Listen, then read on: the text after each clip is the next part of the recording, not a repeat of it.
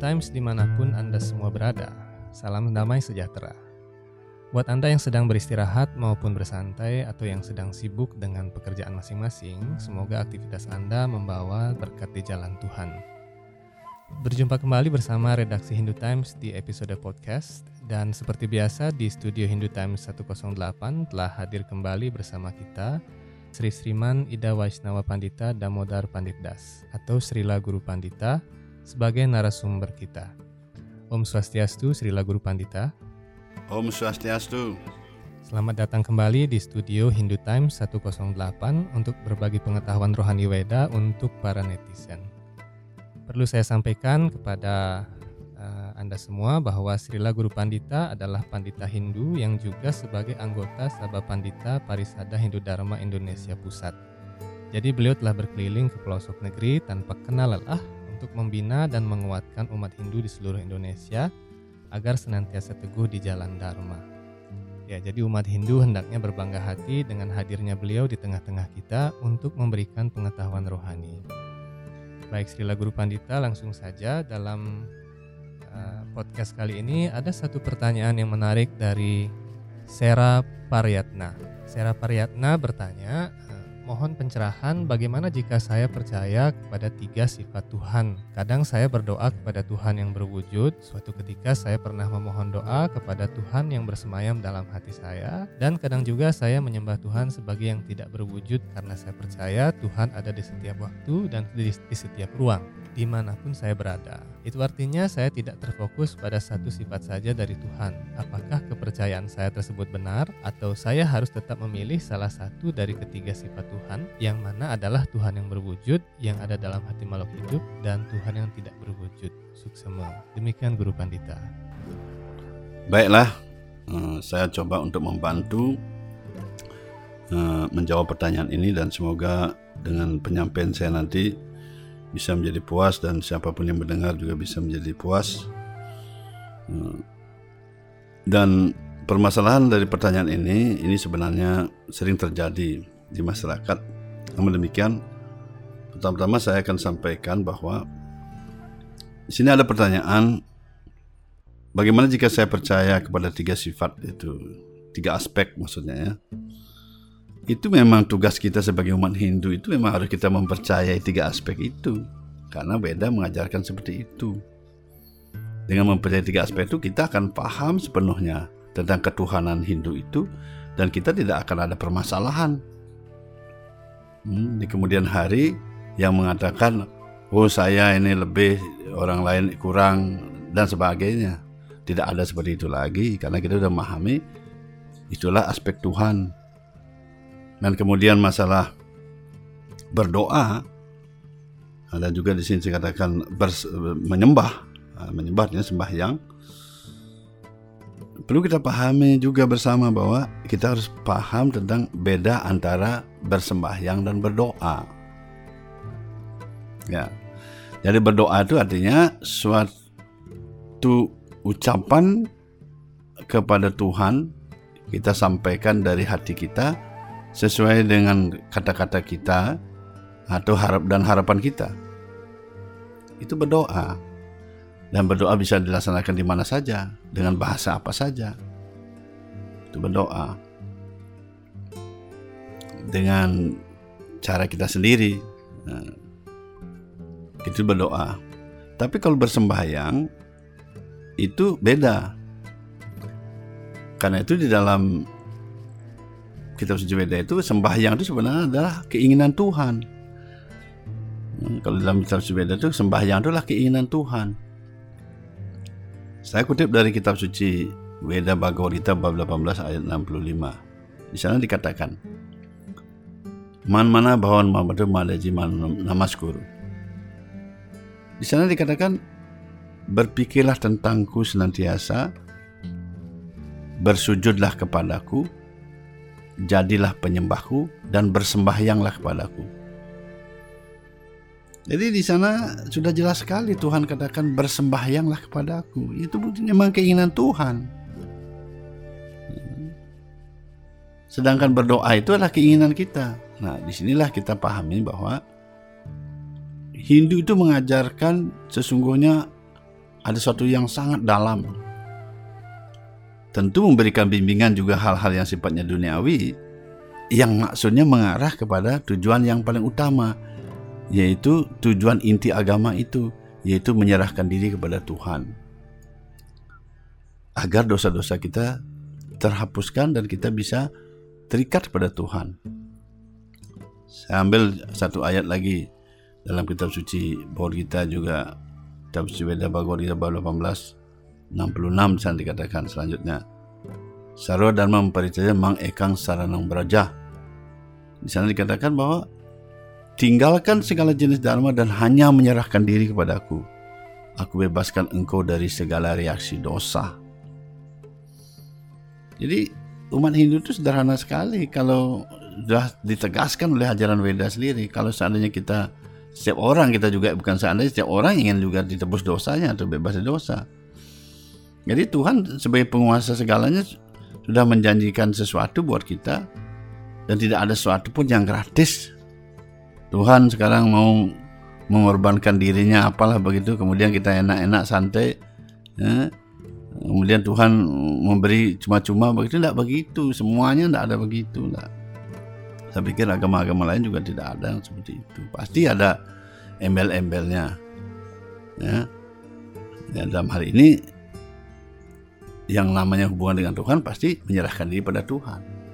Nah kalau kita Tuhan sudah katakan di sini Tuhan kita menyampaikan tinggalkan segala dharma dan hanya menyerahkan diri kepadaku.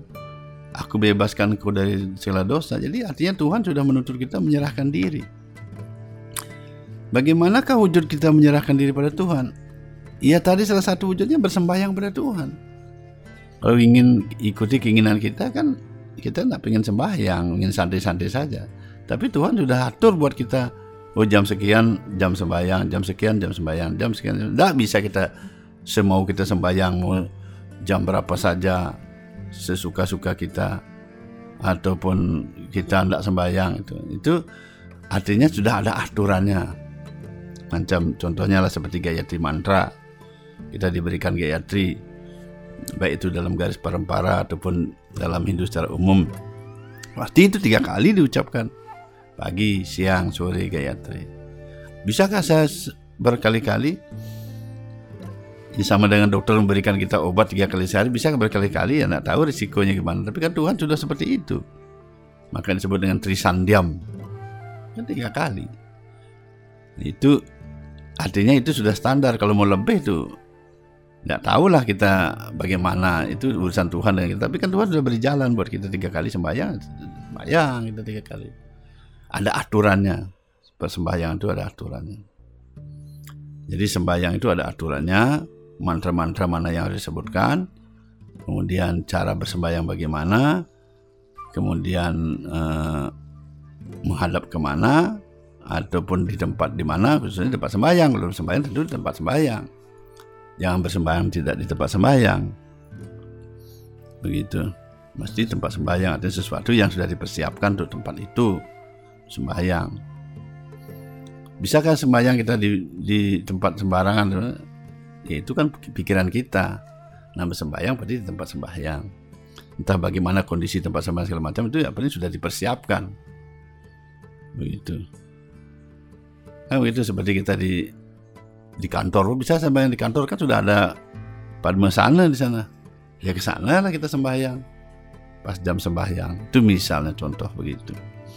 Nah, itu harus beda kalau berdoa ya kita kan kapan saja di mana saja kita memuji Tuhan ataupun kita mohon apa Tuhan lindungilah saya di sini di segala macam begitu. Itu bedanya sekarang. Itu beda antara sembahyang dengan berdoa. Itu pertama ya. Nah, kemudian saya sudah sampaikan bahwa inti ajaran agama Hindu itu adalah mengajak umatnya itu menyerahkan diri kepada Tuhan.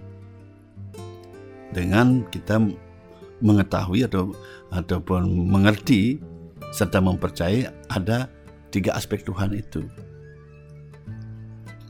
Nah kemudian di satu sisi kalau kita sekarang ingin bisakah saya berdoa pada semua atau sembahyang kepada semua itu baru harapan kita. Tetapi bagaimana keinginan Tuhan sekarang? Ketika kita ingin beragama, artinya kita menyerahkan diri pada Tuhan. ketika kita menyerahkan diri pada Tuhan, artinya kita ingin mengikuti apa yang harapan menjadi apa yang menjadi harapan Tuhan. Sama seperti kita kuliah, kita mengikuti apa yang diinginkan oleh dosen kita. Ketika kita kuliah, kita menyerahkan diri kita di sana di kampus kepada dosen. Karena dosen yang mengatur jam sekian dan kampus juga mengatur kuliah jam sekian. Kemudian dosen kadang-kadang merubahnya jam sekian. Ini ya kita ikuti.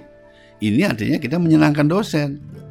Bukannya menyenangkan diri sendiri. Kalau kita sesuka-suka hati kita, ya jelas enggak terwujud semua perkuliahan. Demikian juga kegiatan keagamaan kalau sesuka hati kita, ya enggak terwujud semua hubungan kita dengan Tuhan. Saya akan berbicara berdasarkan referensi. Mari kita lihat sekarang berapa ayat. Ya. Di satu sisi, kita sudah sering mendengar ada penjelasan kitab suci Veda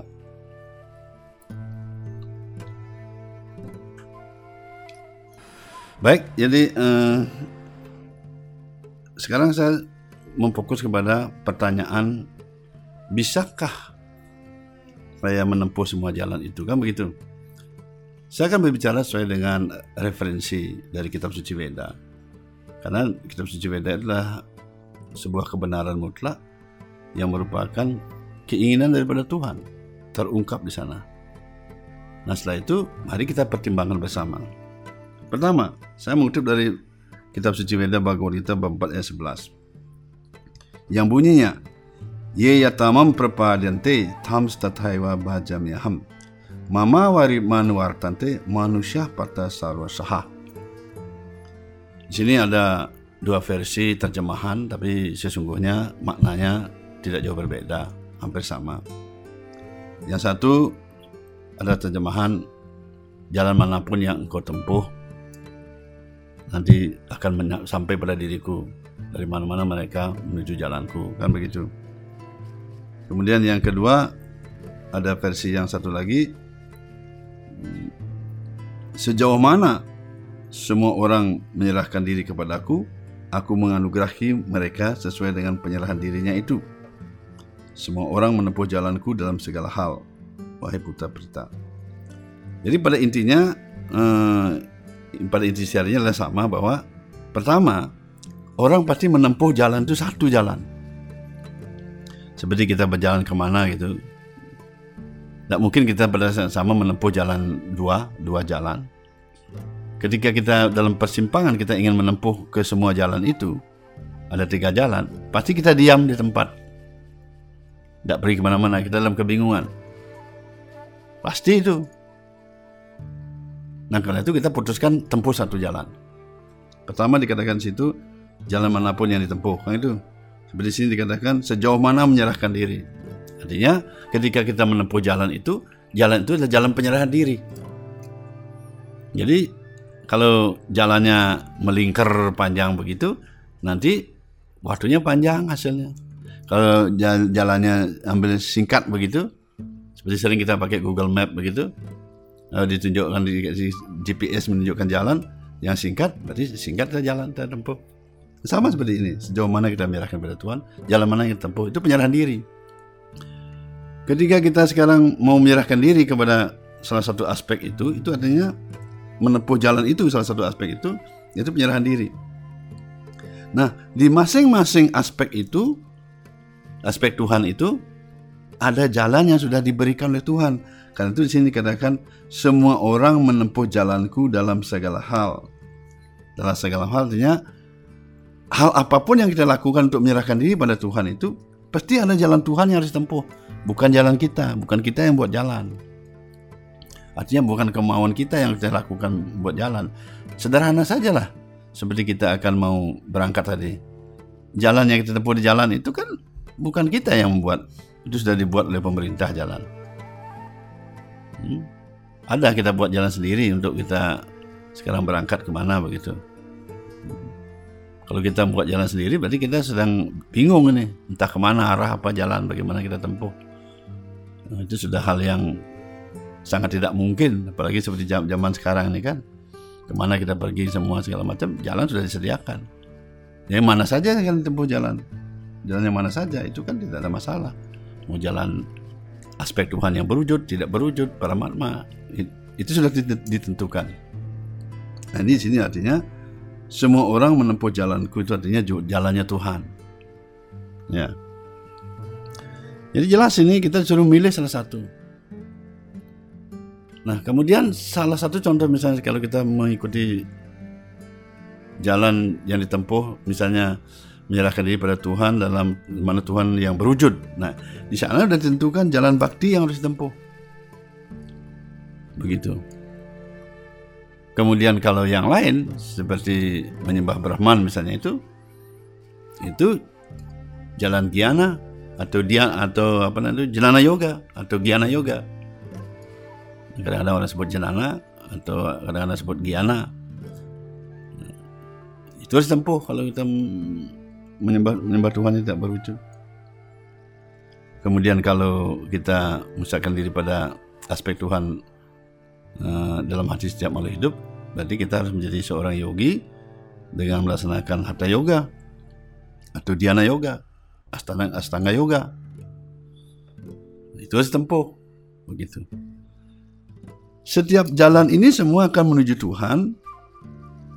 Kemudian pertemuan kita Tuhan pun dalam suasana yang berbeda-beda di sana.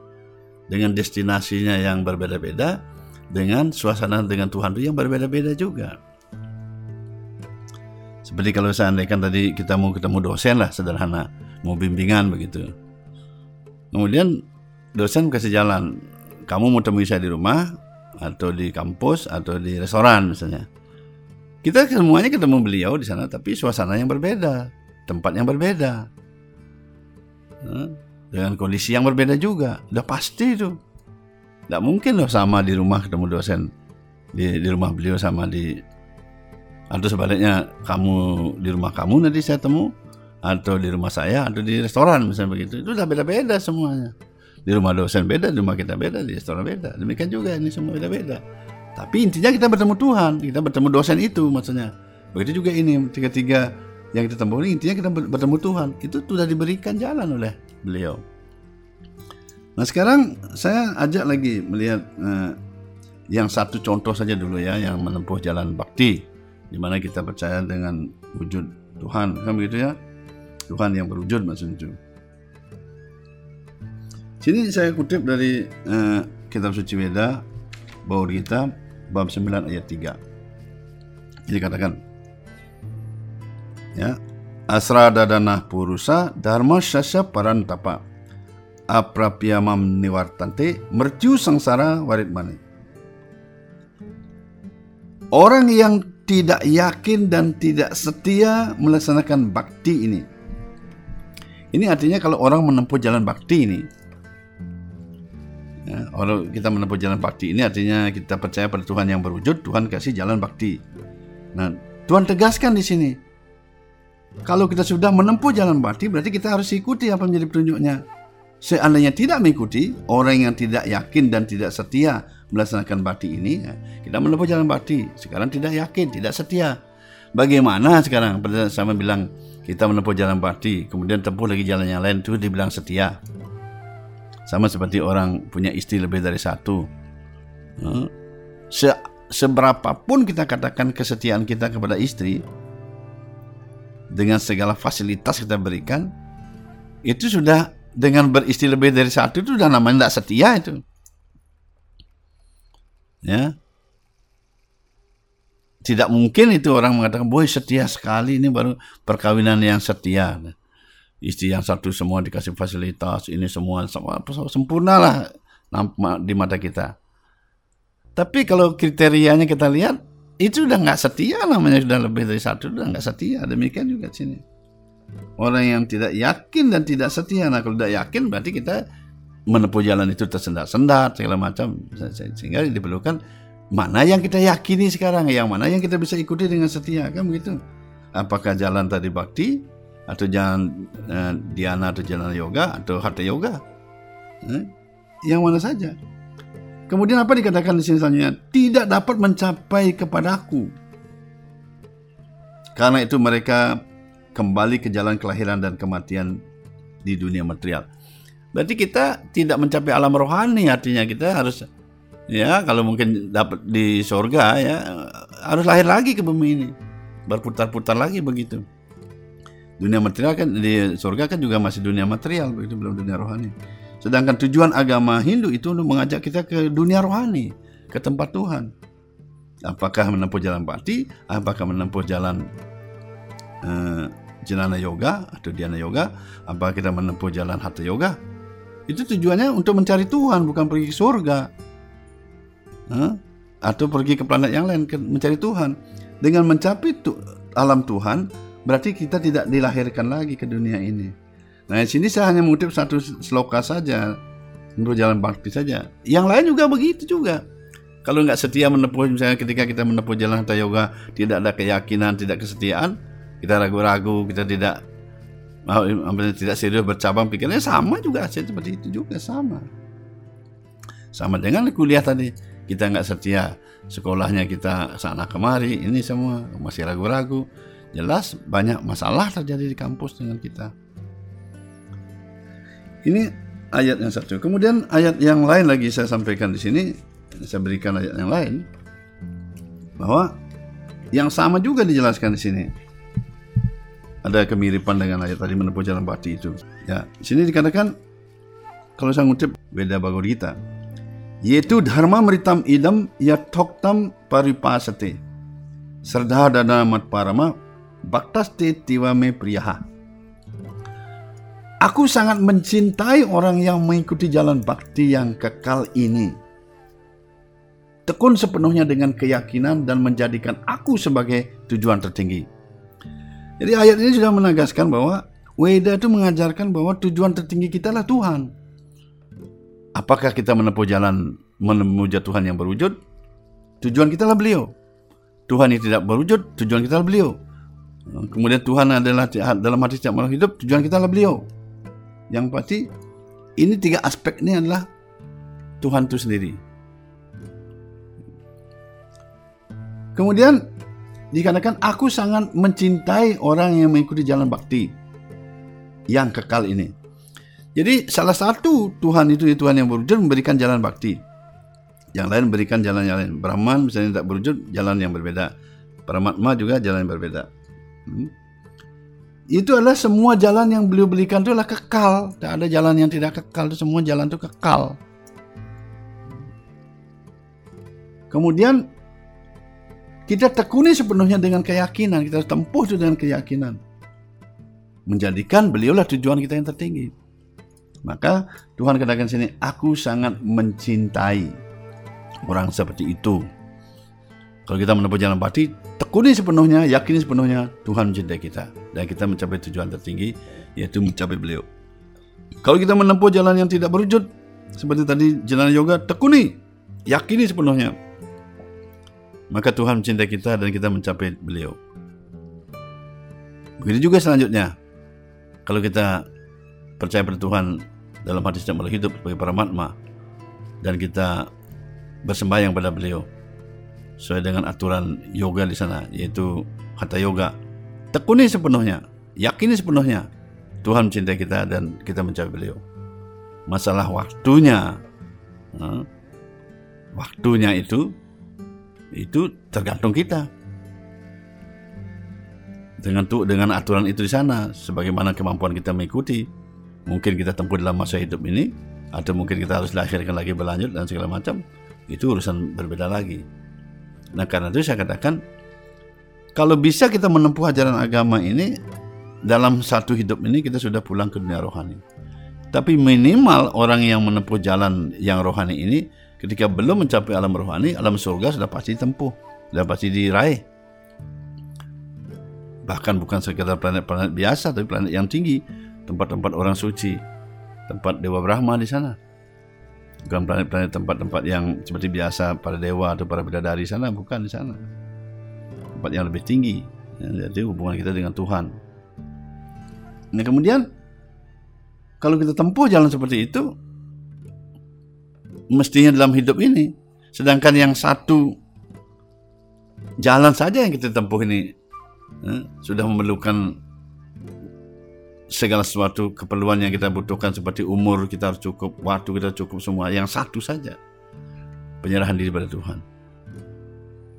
Nah tentu kalau teorinya uh, secara umum seperti itu, kemudian ada suatu perkecualian. Apakah ada orang bisa sekejap pulang ke dunia rohani? Kenapa tidak ada? Jara itu yang dikatakan setiap hari berburu kerjanya dan kemudian memanah kaki padma Tuhan. Nah, itu kan pekerjaannya berdosa setiap hari. Kenapa dia kok pada saat itu seketika itu kok langsung ke dunia rohani? Nah, karena pada saat itu memang betul-betul penyerahan diri. Jara di sana mengatakan Tuhan ampunilah dosa-dosa kesalahan hamba. Hamba tidak tahu bahwa ini adalah anda sendiri. Hamba pikir itulah mulut dari seekor rusa kaki padma Anda. Hamba mohon ampun segalanya. Sekarang terserah Anda, hamba menyerahkan diri sepenuhnya kepada Anda. Hmm. Karena begitu dosa hamba demikian banyak, bunuhlah hamba agar hamba bisa tebus dari dosa. Hamba siap menyerahkan diri padamu. Tuhan apa huh? apa jawaban Tuhan pada saat itu? Wahai Jara, hari ini kamu pulang ke dunia rohani. Berangkatlah jadi seketika itu dari dunia rohani turun pesawat rohani dan masuk ke dan sejarah langsung masuk ke pesawat rohani dan langsung berbadan rohani, langsung sekejap sudah berangkat dunia rohani. Begitu karunia Tuhan. Itu sloka yang mengatakan 1866 bahwa kita itu tinggalkan segala dharma dan hanya menyerahkan padaku, aku bebaskan kau dari segala dosa. Itu Tuhan buktikan.